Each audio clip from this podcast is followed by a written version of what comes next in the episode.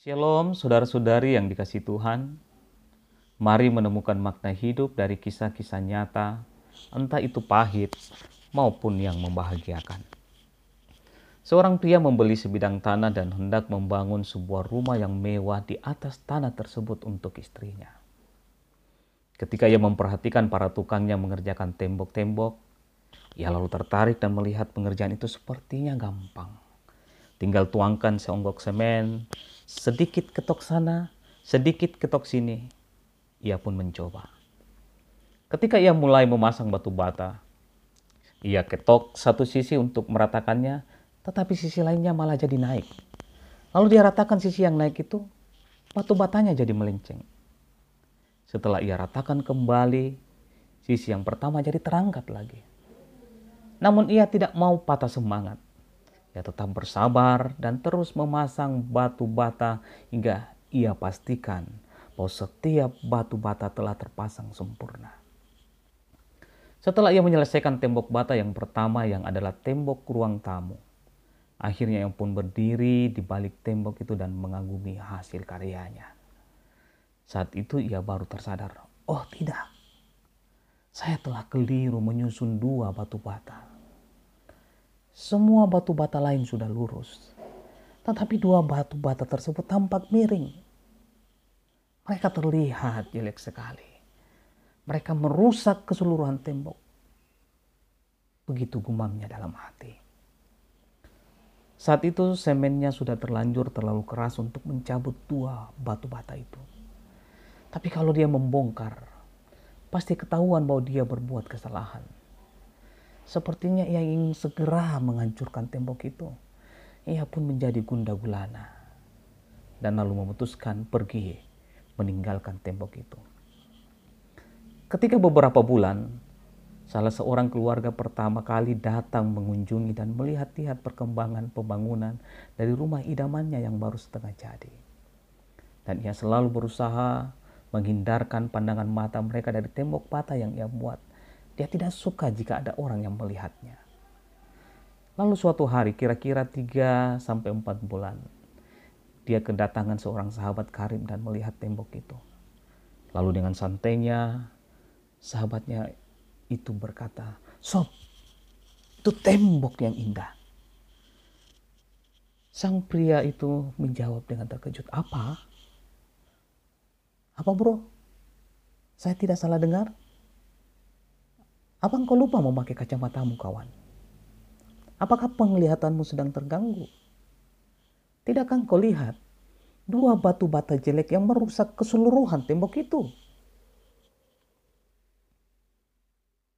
Dan sejak perjumpaan itu, pria itu mendapatkan makna untuk pertama kalinya dalam lebih dari tiga bulan yang mampu melihat batu bata batu bata lainnya selain dua batu bata jelek itu.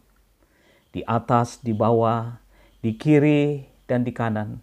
Dari dua batu bata jelek itu adalah batu bata batu bata yang bagus. Batu bata batu bata sempurna. Lebih dari itu, jumlah batu bata yang terpasang sempurna jauh lebih banyak daripada dua bata jelek itu. Selama ini kata pria itu, matanya hanya berpusat pada dua kesalahan yang telah dia perbuat. Dia terbutakan dari hal-hal lainnya. Itulah sebabnya dia tak tahan melihat tembok itu atau tak rela membiarkan orang lain melihatnya juga. Itulah sebabnya dulu ia ingin menghancurkan tembok itu. Tapi sekarang dia tersadar. Betul kata sahabatnya, itu sebuah tembok yang indah. Saudara, ada berapa banyak orang yang memutuskan hubungan atau bercerai karena semua yang mereka lihat dari diri pasangannya adalah dua mata jelek.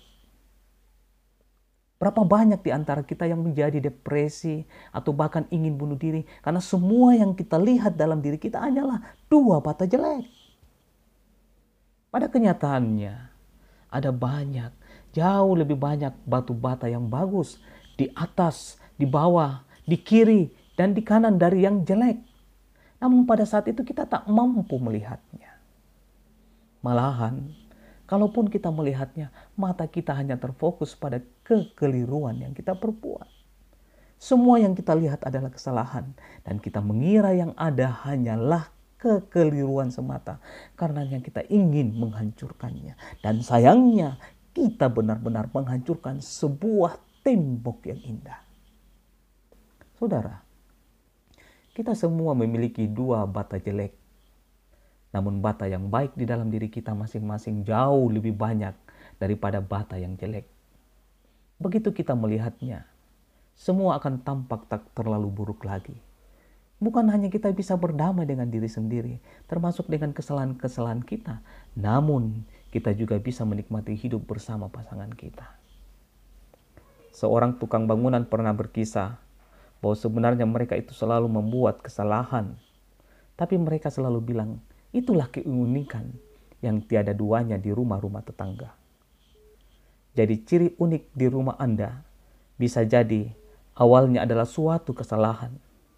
Dengan cara yang sama, apa yang Anda kira sebagai kesalahan pada dirimu, pada rekanmu, atau hidup pada umumnya dapat menjadi sebuah ciri unik yang memperkaya hidup Anda di dunia ini tatkala Anda tidak lagi terfokus padanya.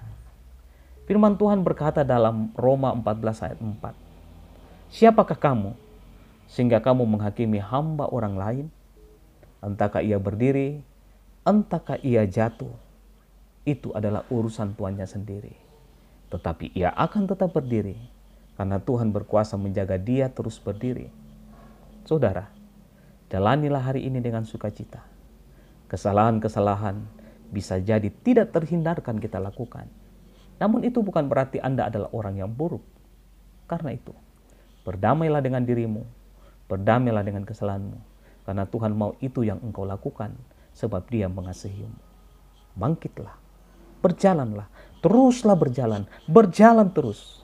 Dengan pengharapan iman yang kuat, bahwa di perjalanan ini, Tuhan yang menjaga engkau terus berdiri kokoh menghadapi tantangan dan pergumulan dunia ini. Tuhan Yesus memberkati. Amin.